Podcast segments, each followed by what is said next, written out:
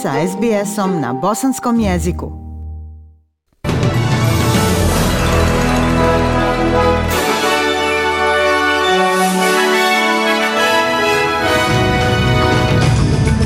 U današnjim vijestima poslušajte. Sjedinjene države kažu da su ruske snage spremne da napadnu Ukrajinu.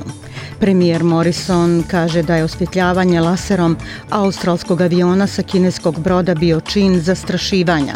I u sportu skijašica Semi Kennedy Sim nosit će zastavu Australije na večerašnjoj ceremoniji zatvaranja zimskih olimpijskih igara u Pekingu.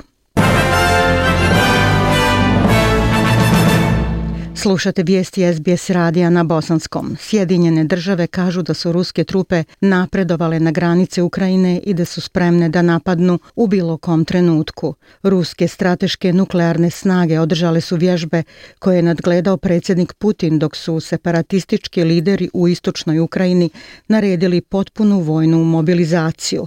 Očekuje se da će predsjednik Sjedinjenih država Joe Biden sazvati sastanak Vijeća za nacionalnu sigurnost kako bi razgovarao o eskalaciji krize. Ukrajinski predsjednik Vladimir Zelenski je umeđu vremenu zamolio Putina da se sastane s njim i traži rješenje. Na sastanku Minhenske sigurnosne konferencije gospodin Zelenski je pozvao zapadne nacije da djeluju odmah. Але ви мені кажете, що 100%... But you are telling me that 100% the war will start in a couple of days. Then what are you waiting Vi meni for? kažete da će 100% rat početi za par dana, pa šta čekate? Ne trebaju nam vaše sankcije nakon što se desi bombardovanje, nakon što bude pucano na našu zemlju i ne budemo imali granice. Nećemo imati ekonomiju, dio zemlje će biti okupiran. Šta će nam onda te sankcije? Premijer Scott Morrison kaže da je upotreba lasera kineskog ratnog broda protiv australskog vojnog aviona bio čin zastrašivanja. Australsko ministarstvo odbrane kaže da se incident dogodio u četvrtak kada je kineski brod osvjetlio avion P-8A Poseidon u australskim vodama Arafurskog mora. Zvaničnici odbrane osudili su ovo ponašanje, rekavši da je ugrozilo živote osoblja te da je bilo neprofesionalno i nesigurno. Scott Morrison je tu akciju opisao kao bezobzirnu i neodgovornu i kaže da se o njoj govori direktno s Kinom putem diplomatskih i odbranbenih kanala. Veoma sam zabrinut zbog postupaka upotrebe lasera na australskom nadzornom avionu. To jest, ne mogu to vidjeti samo kao čin zastrašivanja, neopravdano i ničim izazvano, a Australija nikada neće prihvatiti takva dijela zastrašivanja.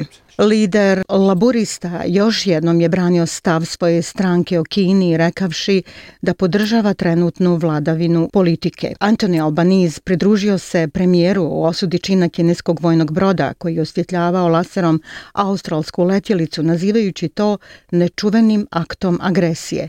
Koalicija pokušava prikazati laburiste kao slabe prema Kini, navodeći nekoliko stavova laburista u svom stavu prema zemlji ali lider laburista Anthony Albanese kaže da se Kina promijenila pod vođstvom Jinpinga i vjeruje da je odgovor Australije bio prikladan, razmotren i odmjeren. Well, China has, has changed its Kina je promijenila svoju ideologiju pod ovim predsjednikom i svojim angažmanom na nacionalnim forumima. Ono što Australija treba da uradi je, međutim, da nastavi da se zalaže za australske vrijednosti i to je nešto što smo mi uradili. Važno je da to učinimo da se ne postavljaju lažne razlike koje potkopavaju jedinstvo Australije koje ne služi nacionalnom interesu. U Viktoriji je umrlo još devet osoba od covid a zabilježeno je 4867 novih slučajeva. U bolnici je 358 osoba sa virusom, što je pad za sedam pacijenata u odnosu na jučer.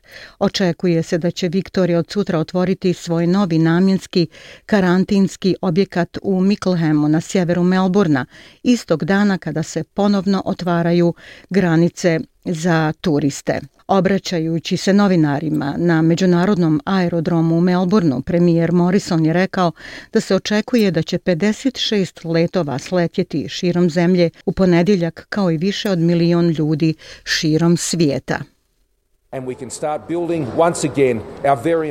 Oni mogu doći i mi ponovno počinjemo graditi našu veoma važnu turističku ekonomiju širom zemlje, od naših najvećih gradova, gdje sam danas do našeg dalekog sjevera, Queenslanda, regionalnih lokacija i širom zemlje i top enda gdje sam bio jučer, gore u Darwinu, u centralnoj Australiji, u Alice Springsu.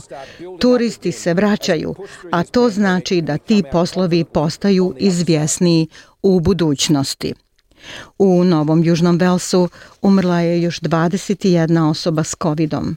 U bolnici je sada 1280 osoba sa virusom, 11 pacijenata manje nego jučer. Država je također zabilježila dodatne 5582 nove infekcije. U Queenslandu je još dvoje stanovnika umrlo od koronavirusa i nisu bili vakcinisani. U državnim bolnicama se nalazi 365 osoba s covidom, a država bilježi 4265 novih infekcija. Politički lideri Južne Australije danas zvanično počinju predizbornu kampanju u državi.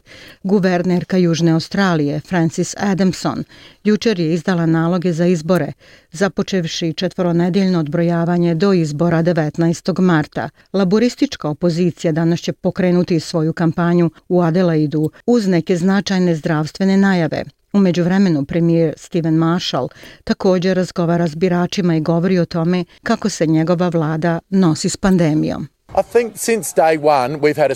Od prvog dana imamo razuman pristup koronavirusu ovdje u Južnoj Australiji. Slušamo stručnjake, slušamo nauku, slušamo dokaze i mislim da je, nas je to dovelo do, u veoma dobru situaciju. To je bilo partnerstvo sa zdravstvom Južne Australije, ali ono što je najvažnije sa ljudima Južne Australije koji su radili veoma naporno.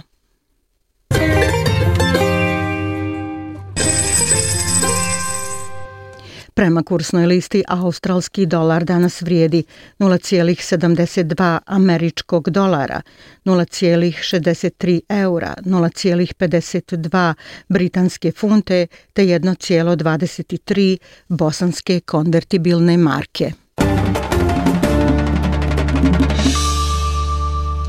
I u sportu trostruka olimpijka Semi Kennedy Sim će nositi zastavu Australije tokom večerašnje ceremonije zatvaranja zimskih olimpijskih igara u Pekingu.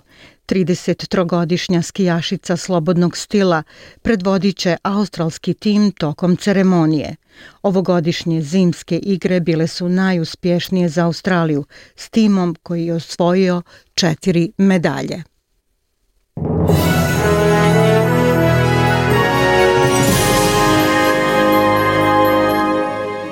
I za kraj vijesti poslušajte temperaturne vrijednosti za veće gradove u Australiji. U Pertu vruće 36 stepeni, Adelaidu 23, u Melbourneu oblačno 26, u Hobartu 25, Kamberi 26, u Sidneju dijelimično oblačno 29, u Brisbaneu mogući pljuskovi 30 i u Darwinu 33 stepena Celzijusa. Bile su to vijesti SBS radija na bosanskom jeziku. Ja sam Aisha Hadži Ahmetović. Ostanite i dalje s nama.